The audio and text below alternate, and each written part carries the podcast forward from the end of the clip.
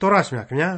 ဒီကနေ့တင်ပြရတော့တမချန်းအစီအစဉ်မှာခရိယန်တမချန်းဓမ္မဟောင်းကျမ်းပိုင်းတွေက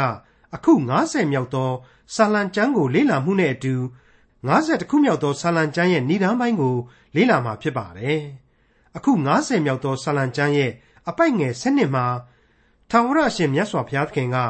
ငါသည်ငတ်မို့လျင်တင့်ကိုမပြောလို့ဆိုထားပါတယ်အဲ့ဒီစကားကိုဒီအတိုင်းပဲအတိတ်ပဲကောက်မယ်ဆိုရင်တော့ဘုရားရှင်ဟာ အစာရေစာငတ်မွတ်တဲ့အချိန်အခါတွေရှိတယ်လို့ယူဆရမှာပါဒါပေမဲ့ကျွန်တော်တို့မိတင်းနေထိုင်တဲ့ဒီကဘာကြီးတာမကစัจ java လာကြီးတစ်ခုလုံးကိုဖန်ဆင်းပိုင်သားအုပ်စိုးတော်မူသောထာဝရအရှင်မြတ်စွာဘုရားသခင်ကအဲ့ဒီလိုမိန့်ဆိုတော်မူတာဟာတကယ်တမ်းဘာကိုဆိုလိုပါသလဲဒီကနေ့လေ့လာတွေ့ရှိကြရမှာဖြစ်ပါတယ်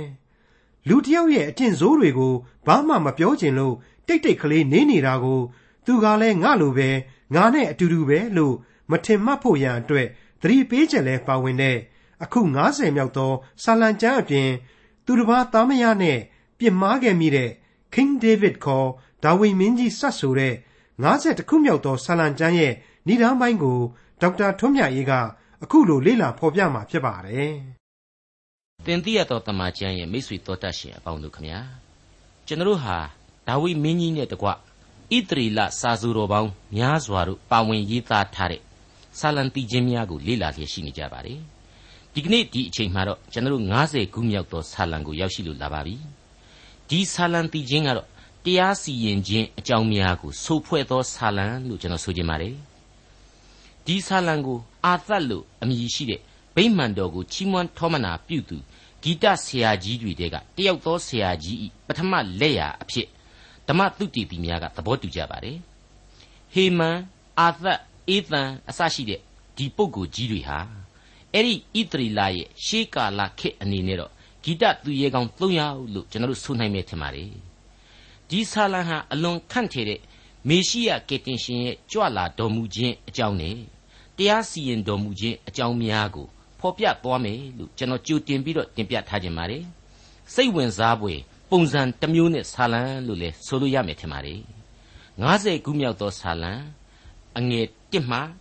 6တကိုးကြီးသောဖျားသခင်ကြီးဟုသောထာဝရဘုရားသည်ဗျာဒိတ်ပေးတော်မူ၏နေထွက်ရာမှသည် နေဝင်ရာတိုင်အောင်မြေကြီးကိုခေါ်တော်မူ၏အသရေတင့်တယ်ခြင်းပြည့်စုံရာဇီးအောင်တောင်ပေါ်မှဘုရားသခင်၏ရောင်ချီတော်သည်ထွန်းပ၏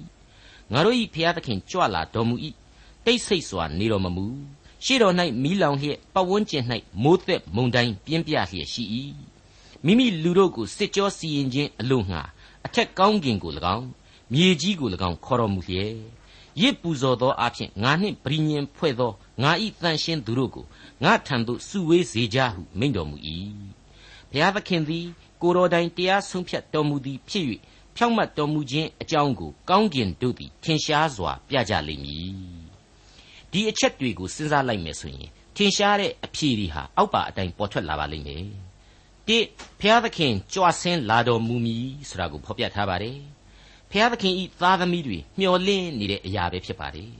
ဒီအနာဂတ်ကာလမှာဖန်ဆင်းရှင်ကိုဖူးမြော်ခွင့်ဆိုတာဟာသမိုင်းကာလအဆက်ဆက်ကတန်ရှင်းသောလူသားများအားလုံးတို့ရဲ့ရှိနေကြမျှော်လင့်ချက်ပဲဖြစ်ပါတယ်နှစ်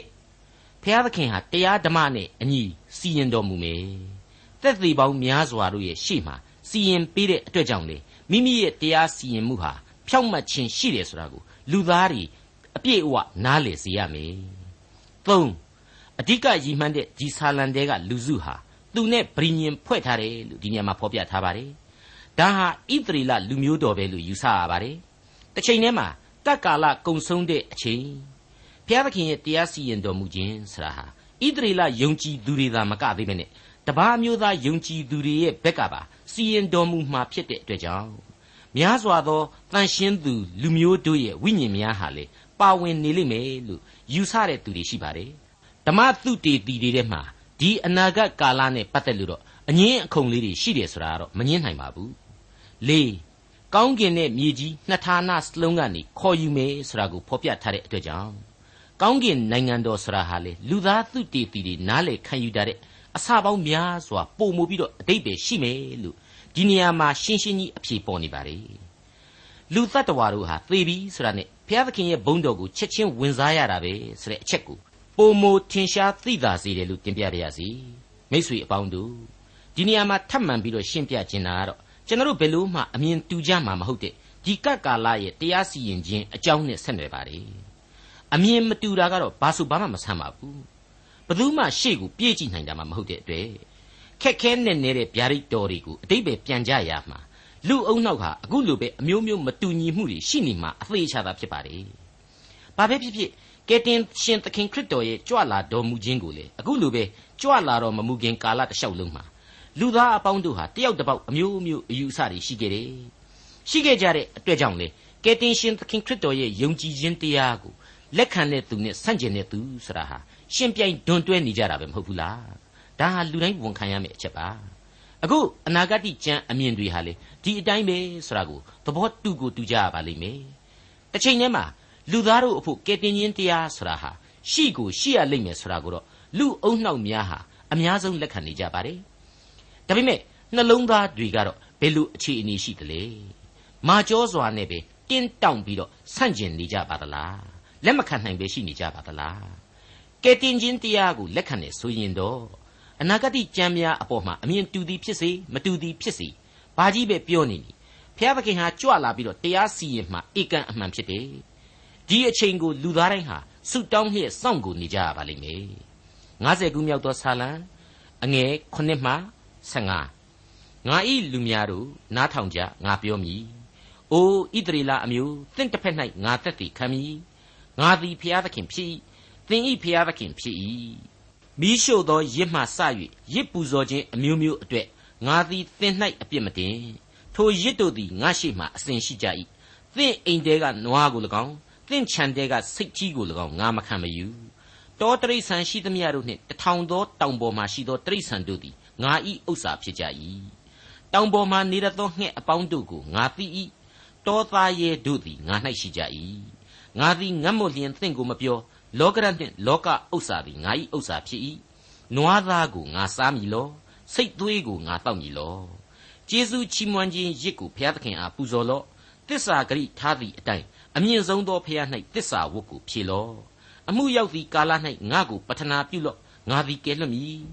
သင်သည်လည်းငါကိုချီးမွမ်းလိမ့်မည်ဟုမိန့်တော်မူ၏ပိုက်ဆံအလှငွေထည့်လိုက်ရင်ပြီးရောတိုက်ကြီးတစ်လုံးကားကြီးတစ်တွင်လှူလိုက်ရင်ပြီးရော ဒါဟာဒါနပြည့်စုံပြီအဲ့ဒီလိုသဘောမထားရပါဘူးဗိမာန်တော်မှာဝတ်ကြီးဝတ်ငယ်သွားပြူတိုင်းလေကောင်းကြီးတွေပြည့်စုံသွားပြီလို့သဘောမထားရပါဘူးကို့လူတူးချင်းရဲ့နှလုံးသားစိတ်အစဉ်မှာသခင်၌အစဉ်တည်မီနေဖို့အထူးပဲလိုအပ်နေပါလိမ့်မယ်ဒီအထက်ကငါသည်ငတ်မွလျင်သင်ကိုမပြောဆိုတာနဲ့ပတ်သက်ပြီးတော့ကျွန်တော်တငယ်ချင်းတယောက်ကနောက်တယ်ဟေ့ကောင်မင်းဖျားသခင်ကတခါတလေငတ်ဟန်ပြက်ဟန်ရှိတယ် ဒါကြောင့်မလို့ငါသည်ငတ်မွလျင်သင်ကိုမပြောဆိုပြီးတော့ပြောတာပဲဖြစ်ရလိမ့်မယ်တဲ့အမှန်တော့သူကကပ်ဖိုးကပ်ဖက်ပြောတတ်တဲ့အကျင့်ရှိလို့ပြောတာပါနောက်ပြောင်ပြီးပြောတဲ့သဘောပေါ့အဲ့ဒါနဲ့ကျွန်တော်ကလည်းဖြေရတယ်ဖျားသခင်ဟာနံဝိညာဉ်ဖြစ်ပါတယ်တကယ်ချင်းလူစားတိကိုလည်းသူခံယူနိုင်တယ်လူစားတိကိုခံယူတဲ့အခါမှာကယ်တင်ရှင်သခင်ခရစ်တော်ဆိုပြီးဖြစ်လာတယ်အဲ့ဒီလူစားတိဘဝမှာရေငတ်တဲ့အချိန်ရှိခဲ့တယ်မောပန်းလွန်းလို့အိမ်မောကျခဲ့တဲ့အချိန်လည်းရှိတယ်အခုဆာလံတီချင်းတွေဟာဆိုရင် ခရစ်တော်မေရှိယအကြောင်းကိုဖော်ပြနေတဲ့အံ့ဘွယ်အနာဂတ်တီချင်းတွေဖြစ်တဲ့တကယ်ချင်းတခါတလေမှလူနဲ့နှိုင်းပြီးတော့ဗျာဒိတ်ပေးတဲ့အခါမှာပေးတယ်ဒါကြောင့်မလို့တို့ရဲ့ကယ်တင်ရှင်ဆိုတာဟာတို့ဘယ်လို့မှကြံစီလို့မမိနိုင်တဲ့ဘုံတကူရှိတယ်လို့ငါတို့တွေးဆမမိနိုင်တဲ့နီးပရိယေတွေနဲ့လေငါတို့ကိုကောင်းကြီးပေးတဲ့အခါမှာပေးတယ်အပြစ်ပေးတဲ့အခါမှာလေပေးတတ်တယ်ဆိုပြီးတော့ပြန်ဖြေရပါတယ်ဟာမင်းဟာအပြစ်ပေးတယ်ဆိုတာကြီးကမနှိပ်ပါဘူးကွာတဲ့သူကဆက်ပြီးပြောပါတယ် အဲ့ဒီတော့လေကျွန်တော်ကအဖြေကိုအခုဖတ်ခဲ့တဲ့အငယ်15နဲ့ပဲဆက်ပြီးအဖြေပေးလိုက်ရပါတယ်အမှုရောက်သည့်ကာလငါ့ကိုပထနာပြုလော့ငါသည်ကယ်လွတ်မည်သင်သည်လည်းငါ့ကိုချီးမွမ်းလိမ့်မည်ဟုမိန့်တော်မူ၏ဆိုတဲ့အဖြေပါပဲအခု90ခုမြောက်သောဆာလံအငယ်16မှ23အဆုံးအထိကိုဆက်လက်နားဆွင့်ကြည့်ကြပါမတရားသောသူကိုကသင်သည်ငါ၏အထုံးအဖွဲ့ကိုကြားပြော၍ငါ၏ဗြိညင်တရားကိုမွဲ့ဆိုခြင်းဟာအဘယ်သို့ဆိုင်သနည်းဆုံးမသွန်သင်ခြင်းကို သင်သည်မုံ၍ငါစကားကိုသင်နောက်၌ပြစ်ထားပါသည်တကားသင်သည်သခိုးကိုမြင်လျင်သူနှင့်သဘောတူတတ်၏သူမယားကိုပြစ်မှားသောသူတို့နှင့်ဆက်ဆံတတ်၏သင်၏နှုတ်၌ဒုစရိုက်ကိုအနှံ၍သင်၏ရှားဖြင့်မှုသာကိုစီရင်တတ်၏သင်သည်ထိုင်လျက်ကိုညီအကိုတို့ကိုဆန့်ကျင်ပဲပြု၍ပြောဆိုတတ်၏ကိုအမိဤသားကိုဆဲရည်တတ်၏ထို့သောကျင့်၍ငါသည်တိတ်ဆိတ်စွာနေသောကြောင့်ငါကိုသင်နှင့်တူသည်ဟုထင်လေပြီတကား သင်၏အပြစ်ကိုငါဖော်ပြ၍သင်မျက်မှောက်၌ခင်းထားမည်ဘုရားသခင်ကိုမေ့လျော်သောသူတို့ဤအမှုကိုဆင်ခြင်ကြလော့သို့မဟုတ်သင်တို့ကိုကယ်နှုတ်သောသူမရှိငါသည်အပိုင်းပိုင်းဆွဲဖြတ်မည်ကျေးဇူးချီးမွမ်းခြင်းရစ်ကိုပူဇော်သောသူသည်ငါ၏ဘုန်းကိုထင်ရှားစေသောသူဖြစ်၏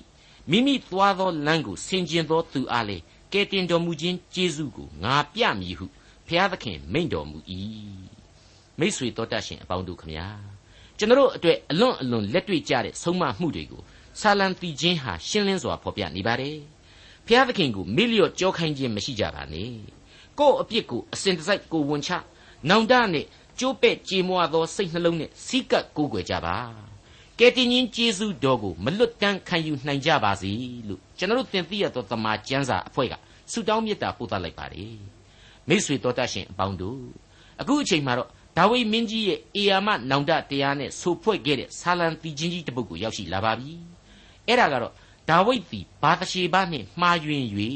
ပရောဖက်နာသန်ဤဆုံးမခြင်းကိုခံပြီးမှဆက်ဆူသောဆာလံဆိုတဲ့50ခုမြောက်သောဆာလံတီချင်းပါပဲဒီဆာလံတီချင်းနဲ့ပတ်သက်တဲ့နောက်ခံသမိုင်းကြောင်းကတော့အလွန်နာကြီးရှက်ကြောက်ဖွယ်ကောင်းလာတဲ့ဒါဝိဒ်မင်းကြီးရဲ့သမိုင်းအမဲဆက်ကြီးတစ်ခုဖြစ်တယ်ဆိုတာကိုကျွန်တော်သိနာလေခဲ့ရပြီးပါပြီ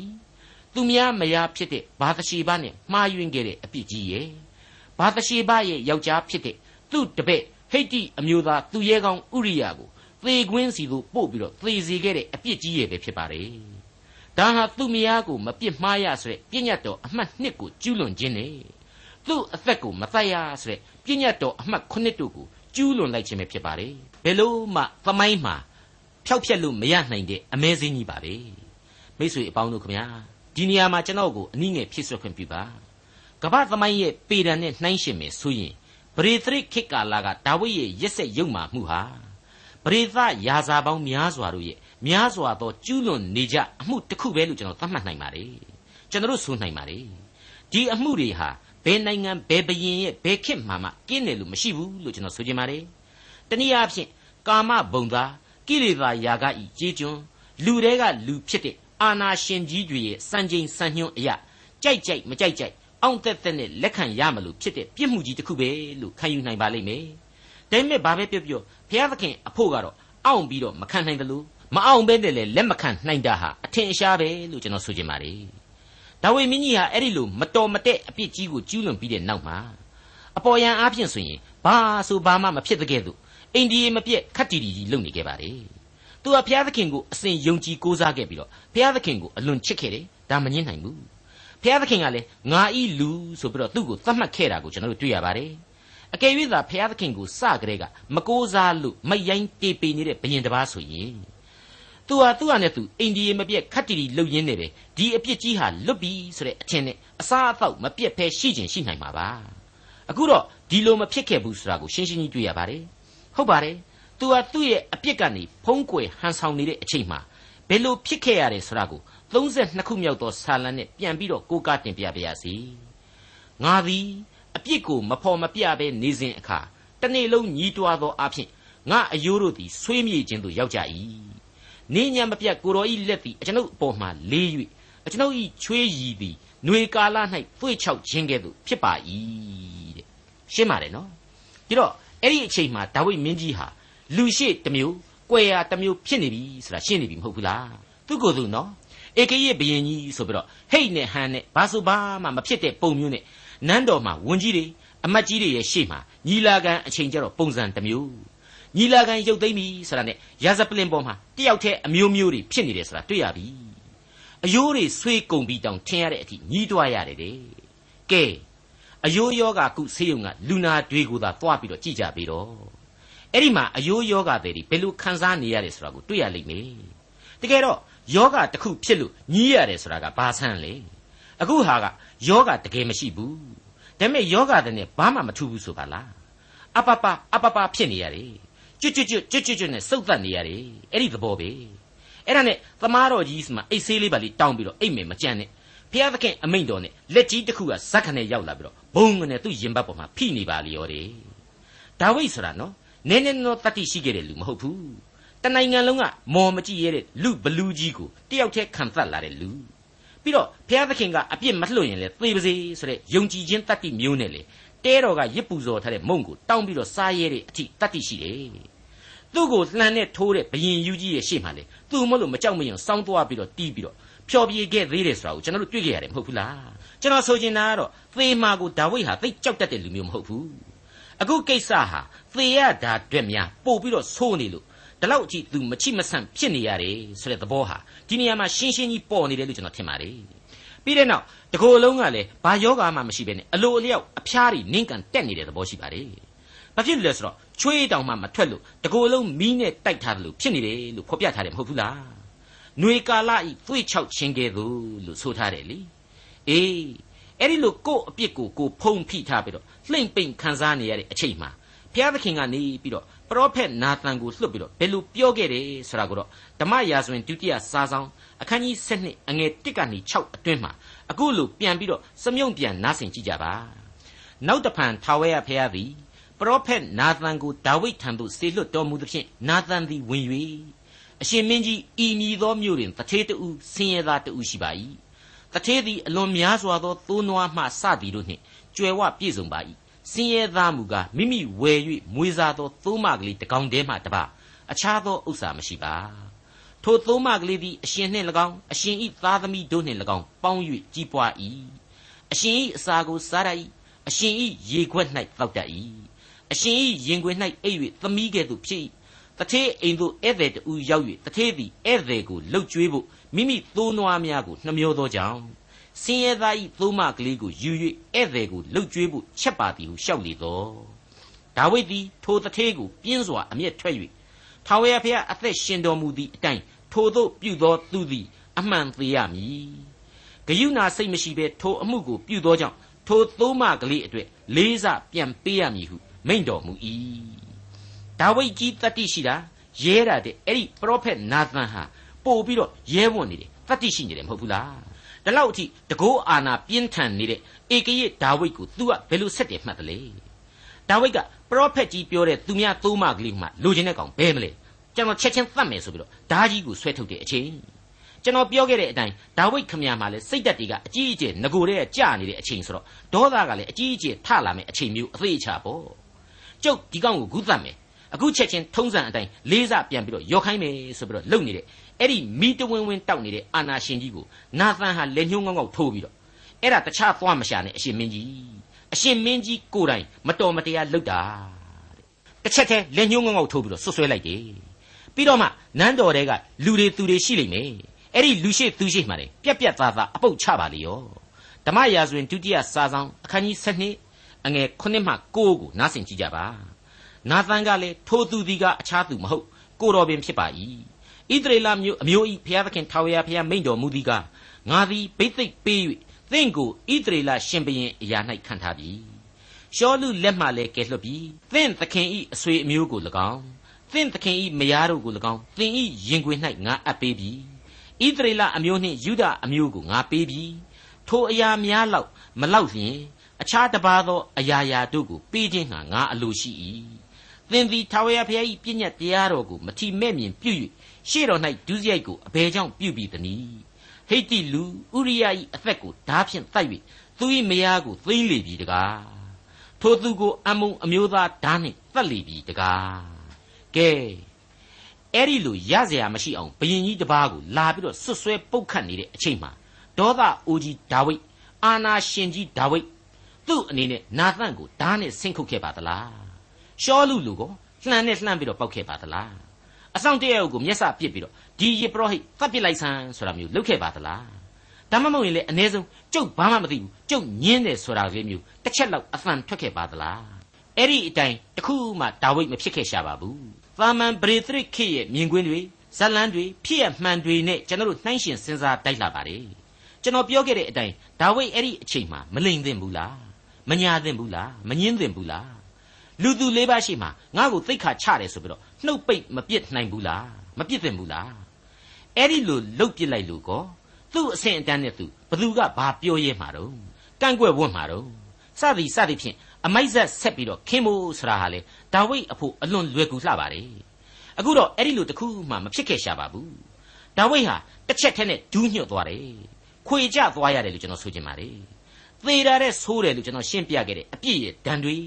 တကိုယ်လုံးမီးနဲ့တိုက်ထားတယ်လို့ရှင်းရှင်းတောက်အောင်ခံစားနေရတဲ့သောကဝေဒနာတွေကိုနဲ့ကိုသာသိတဲ့အေယာမဒုစရိုက်အနှောင်အဖွဲ့တွေအကုန်လုံးဟာနာသန့်လက်ညှိုးငေါငေါအောက်မှာအကုန်ပြေလျော့သွားခဲ့ရတယ်အဲ့ဒီပရောဖက်နာသန့်လက်ညှိုးကနေဘုရားသခင်ရဲ့ဝိညာဉ်တော်ဟာသူ့ယင်တဲကိုစိတ်ဝင်ပြန့်နှံ့သွားတယ်လို့သူ့အဖို့ဖြစ်သွားခဲ့ရပါတယ်ဒါတွေကိုအသေးစိတ်စာပေနဲ့ရေးမထားပြီမြင်ကျွန်တော်မိษွေတို့ရဲ့သာမန်အုံနှောက်တင်းနဲ့လွယ်လွယ်ကလေးသဘောပေါက်နိုင်တယ်လို့ကျွန်တော်ခံယူပါတယ်ဓမ္မရာဇဝင် ဒုတိယစာဆောင်အခန်းကြီး7ကဖော်ပြတာကိုပဲကျွန်တော်ဆက်ပြီးတော့တင်ပြခြင်းပါသေးတယ်အငယ်30မှ14ကိုဆက်ပြီးတော့ကြည့်ကြပါယခုမှသင်သည်ငါ့ကိုမချီမဲ့မြင်ပြု၍ဟိတ်တိလူဥရိယ၏မယားကိုသိမ်းသောကြောင့်သင်အဆွေအမျိုးတို့သည်ဓာဘေးနှင့်အစဉ်တွေ့ကြုံရလိမ့်မည်ထာဝရဘုရားမိန့်တော်မူသည်ကားသင်၌ရံပက်ပြုသောသူကိုသင်၏အဆွေအမျိုးအထဲကငါပေါ်စေမည်သင်မျက်မှောက်တွင်သင်၏မယားတို့ကိုငါယူ၍သင်အိမ်နီးချင်း၌အပ်သဖြင့် သူသည်နေရှိမှသင်၏မယားတို့နှင့်ပေါင်းဖော်လိမ့်မည်သင်သည်ဤအမှုကိုမထင်မရှားပြုတော်လေနေရှိမှငါလှန်ပြမည်ဟုထာဝရဘုရားမိန့်တော်မူသောစကားကိုပြန်ကြားလေ၏ဒါဝိဒ်ကလည်းငါသည်ထာဝရဘုရားကိုပြစ်မှားပါပြီဟုနာသန်အားဝန်ချ၍နာသန်ကအသက်တော်ကိုချမ်းသာစေခြင်းဟာထာဝရဘုရားသည်ကိုတော်အပြစ်ကိုပယ်တော်မူပြီသို့တော်လည်းကိုတော်သည်ထိုသို့ပြစ်မှားသောအဖြစ်ကဲ့ရဲ့စရာအခွင့်ကြီးကိုထာဝရဘုရား၏ရန်သူတို့အားပေးသောကြောင့် ယခုမြင်သောသားသည်ဆက်ဆက်သေရမည်ဟုဒါဝိဒ်အားလျှောက်ဆိုပြီးလျင်အဲ့ဒီလိုတွေ့ရပါတယ်ကဲဒီတော့နာသန်အမိန်တဲမှာပဲတခါလဲပါလာတာကတော့အပြစ်လွတ်ခြင်းဆိုတဲ့အချက်ပဲဘာဖြစ်လို့လွတ်တယ်လဲဆိုတော့လွတ်ထိုက်လို့လွတ်တယ်ကျိုးပဲ့ကြေမွနေတဲ့နောင်တနှလုံးသားနဲ့နှိမ့်ချတဲ့ဒါဝိဒ်ရဲ့စိတ်အစဉ်ကိုဘုရားသခင်သိနှင့်နေလို့အပြစ်လွတ်စေတယ်တခုသတိထားရမှာကတော့နော်အလကားအပြစ်တွေကိုအချောက်တိုက်လွတ်ပစ်တာမျိုးတော့မဟုတ်ဘူး အပြစ်လွတ်စေခြင်းနဲ့အတူသူစိုက်ပျိုးခဲ့တဲ့အစိတ်ပင်ကအစိတ်သီးတွေကိုသူစားရလိမ့်မယ်သူကစိုက်သည့်အတိုင်းလောကမှာရိပ်ရလိမ့်မယ်ဘသူမပြုတ်မိမိမှုရဲ့နောက်ဆက်တွဲဒဏ်ဒီကိုခံကိုခံရမယ်ဆိုတာကိုလေဘုရားသခင်ကြိုတင်ဖော်ပြလိုက်ပြီဖြစ်ပါတယ်အဲ့ဒီစိုက်တဲ့အတိုင်းရိပ်ရမယ်ဆိုတာဒီကတော့တစ်မင်းမှောက်မှားပြီးရထားတဲ့မင်းရဲ့သားကလေးကတော့မကြခင်သေရမယ်နှစ်မင်းအဲ့ဒီလိုအိမ်တောင်ရေးတွေရှုပ်ထားတဲ့အထက်ကမင်းရဲ့သားတယောက်ဟာမင်းမယငယ် မင်းရဲ့မောင်မမိတ်တန်တွေကိုဟိုးလေးတကြောဖြစ်အောင်အဆက်ခွဲပြီးတော့နေအောင်အောက်မှာပေါင်းတင်ပြလိမ့်မယ်တဲ့မရှင်းဘူးလားဟုတ်ပါတယ်ဒါဝိဒ်မင်းကြီးရဲ့ယုံကြည်ခြင်းကြောင့်ဒါဝိဒ်မင်းကြီးဟာအပြစ်တီကြားတဲ့ကနေဖြောက်မှတ်ခြင်းအခွင့်ကိုရရှိသွားခဲ့ပါတယ်ကယ်တင်ရှင်ကျေးဇူးတော်ကိုလည်းခံစားခဲ့ရပါတယ်တစ်ချိန်တည်းမှာလောကလူသားတို့ရဲ့အပြစ်အလျောက်ပေးဆက်ရခြင်းတွေကိုလည်းဆက်လက်ခါးစီးပြီးတော့သူခံခဲ့ရပါတယ်ဖျားသခင်ရှေ့တော်မှာဝိညာဉ်ရေးအရာဘလောက်ပဲအပြစ်လွတ်လွတ် ပြုတ်ခဲ့လေသောအပြစ်တို့အတွက်ကတော့လေပြင်းမှာဆင်သွားတယ်လို့ထင်ရှားစွာပြန်လေပေးဆက်ခဲ့ရပါတယ်ပမာဆောင်ရမယ်ဆိုရင်တော့လူတယောက်ရဲ့အသက်ကိုမတရားသေချောင်းကြံခဲ့တဲ့ဘယင်ကြီးဟာသူ့ရဲ့အင်မတန်ချစ်လှစွာသောသားကြီးဩရာသ၄ယောက်ရဲ့အသက်တွေကိုစွန့်လိုက်ရပြီးတော့လေးစပြန်ပြီးတော့ယောလိုက်ရပါတယ်အဲ့ဒီထက်ကသားကြီးနှစ်ယောက်တို့ဟာသူ့ကိုယ်တောင်ပြန်ပြီးတော့သတ်ဖို့အထိလှုပ်တာကိုသူခံခဲ့ရပါတယ်နန်းလူတာကိုခံခဲ့ရပါတယ် သူ့ကိုပြန်ပြီးတော့နန်းလူတဲ့သားကြီးအဘရှလုံကိုသူ့ညာလက်ယုံတွေကသတ်ပစ်တဲ့အချိန်မှလေဒါဝိဒ်တယောက်မျက်ရည်တောက်တောက်ကြခဲ့ရပါသေးတယ်မယားတွေအများကြီးကမွေးထားတဲ့သားတွေသမီးတွေကြားမှာရင်ထုမနာပွဲဖြစ်ရတွေလူကြားမကောင်သူကြားမကောင်ရက်ခမန်းလိလိလူမှုရေးပြဿနာတွေကိုသူရင်ဆိုင်ခဲ့ရပါတယ်အဲ့ဒီညီအကိုတွေအချင်းချင်းထသတ်ကြတာတွေကိုလေဘယင်ကြီးဖြစ်တာဖြစ်တာတခြားနိုင်နှင်းအောင်ဘယ်လို့မှမရှင်းနိုင်ခဲ့မနဲ့ငုတ်တုတ်ထိုင်ပြီးတော့ကြည်နေခဲ့ရပါတယ်မိတ်ဆွေအပေါင်းတို့ ဒါရီယာကျွန်တော်တို့ရဲ့သင်ခန်းစာတွေကိုမှန်မှန်နားထောင်တဲ့လူတွေအဖို့ကတော့ရေးရေးလဲလဲသိနားလေခဲ့ရပြီဖြစ်ပါလိမ့်မယ်ကျွန်တော်အနေနဲ့ကတော့ပြန်လဲပြီးတော့သိသိသိသိနိုင်အောင်လို့အခုလိုထပ်မံပြီးဖော်ပြရခြင်းပဲဖြစ်ပါတယ်အခုအချိန်မှာတော့ဆာလံတီချင်းသင်ခန်းစာတွေကိုပဲကျွန်တော်ပြန်ပြီးတော့ဆက်လိုပါတယ်အခုလိုပရောဖက်နာသန်ကနေတဆင့်ဒါဝိမင်းမင်းရဲ့အပြစ်ကိုငါဟာခွင့်လွတ်လိုက်ပြီဆိုတဲ့အသံကိုကြားရတဲ့အချိန်မှာတော့သေတာတဲ့ဆိုးလာတဲ့အပြစ်ဒုက္ခတွေဟာ ရင်ထဲကနေလွင့်စင်သွားရတယ်ဆိုတာဟာအထင်ရှားပါပဲတစ်ချိန်တည်းမှာသူဟာချက်ချင်းလက်ငင်းခံစားရတဲ့သူများမယားနဲ့ဖောက်ပြန်မှောက်မှားပြီးရထားတဲ့မွေးကင်းစသားငယ်ကလေးကတော့ဖြစ်ဘုရားသခင်အမိန့်အတိုင်းသေရတော့မယ်ဆိုတာကိုသိပြီးတဲ့နောက်ဘုရားသခင်ရဲ့ရှေ့တော်မှောက်ကိုတိုးဝင်ချင်းကပ်ခဲ့ပါတယ်မိษွေအပေါင်းတို့ဘုရားသခင်ဟာအပြစ်ကိုလွတ်တော်မူတယ်တစ်ချိန်တည်းမှာပဲအပြစ်ကိုလည်းပေးပိုင်တော်မူတယ်အလုံးစုံကိုတတ်နိုင်တော်မူတယ်ဒါဟာဒီနေရာမှာရှင်းနေပြီ ဒါကြောင့်မလို့ဒါဝိဒ်ဟာဘုရားသခင်ကိုသာအရင်ဆုံးဝတ်ပြုရမှာဖြစ်ပါတယ်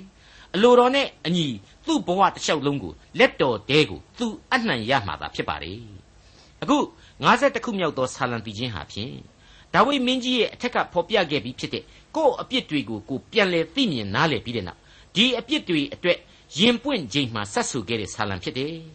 ရင်ပွင့်ခြင်းဆိုတာကိုကျွန်တော်ကပြောရင်းနဲ့မြန်မာစာရေးဆရာတယောက်ဖြစ်တဲ့အောင်လင်းကနေပြီးတော့ သူ့ရဲ့ရင်ပွင့်လေသောအခါဆိုတဲ့ဝတ္ထုရှည်တစ်ပုဒ်အကြောင်းကိုကျွန်တော်သွားပြီးသတိရမိပါတယ်ဆရာအောင်လင်းကတော့လူသားတို့ရဲ့အချစ်ဘွဲ့အတွက်အဲ့ဒီလိုရင်ပွင့်လေသောအခါဆိုပြီးတော့ဒီဝတ္ထုကိုရေးခဲ့တာပါကျွန်တော်ကလည်းကျွန်တော်ရဲ့လွန်သွားပါရစေဆိုတဲ့ဝတ္ထုရှည်ကြီးထဲမှာရင်ပွင့်နေဆိုတာဟာအစင်မသိရင်သေတတ်တဲ့တငယ်ချင်းဆိုပြီးတော့တငယ်ချင်းနှစ်ယောက်စကားပြောကမ်းမှထည့်ပြီးတော့ရေးခဲ့ဘူးပါတယ်ဟုတ်ပါတယ်သေတာတဲ့တောင်မှပိုဆိုးလို့အယိုးတွေဆွေးမတက်ခံစားခဲ့ရတယ်ဒါဝိ အဲ့လိုတောင်မှမပျော်နိုင်လောက်အောင်လက်ကြီးတစ်ခုကလာပြီးတော့သူ့ရင်ဘတ်ကိုဖိနှိပ်ထားတယ်လို့ခံစားနေရတယ်ဆိုတဲ့ဒါဝိတကိုယ်လုံးမီးပြင်းတွေတိုက်ထားတယ်လို့ချစ်ချစ်တောက်ပူလောင်နေရတဲ့ဒါဝိသူ့အဖို့ရင်ပွင့်ခြင်းဆာလံတီးခြင်းကိုကျွန်တော်တို့လေ့လာသွားကြရမှာဖြစ်ပါတယ်အဲ့ဒီဆာလံကတော့50ခုမြောက်သောဆာလံပဲဖြစ်ပါတယ်ဒါဝိဒ်သည်ဘာတရှေဘနှင့်မှားယွင်း၍ပရောဖက်နာသန်၏ဆုံးမခြင်းကိုခံပြီးမှဆက်ဆိုသောဆာလံဖြစ်ပါတယ် ဒီဆာလံတီးခြင်းမှာဆိုရင်အဓိကအားဖြင့်ကတော့အပြစ်များအတွက်ဝန်ချတောင်းပန်ခြင်းအသံများကိုကြားရမှာဖြစ်ပါတယ်။ဒါပေမဲ့ဝန်ချတောင်းပန်ခြင်းကိုအပိုင်း၃ပိုင်းခွဲပြီးတော့ကျွန်တော်တို့လေ့လာနိုင်ပါလိမ့်မယ်။အဲ့ဒါတွေကတော့လွတ်မြောက်ပေးရစီ၊လွန်သွားပေးရစီအစဉ်သဖြင့်သခင်နှင်းဆိုတဲ့အပိုင်းအခြား၃ပိုင်းပဲဖြစ်လိမ့်မယ်လို့ကျွန်တော်ကြိုတင်တင်ပြလိုပါတယ်။နောက်တစ်နေ့မှာအကျေတဝင့်စောင့်စားနားဆင်ကြကြပါစို့။ဒေါက်တာထွန်းမြတ်ရေးစီစဉ်တင်ဆက်တဲ့ တင်ပြရတော်တမချန်းအစီအစဉ်ဖြစ်ပါတယ်။နောက်တစ်ချိန်အစီအစဉ်မှာခရိယန်တမန်ကျန်ဓမ္မဟောင်းကျမ်းပိုင်းမှာပါရှိတဲ့50တခုမြောက်သောစာလံကျမ်းကိုလေ့လာမှဖြစ်တဲ့အတွက်စောင့်မျှော်နားဆင်နိုင်ပါတယ်။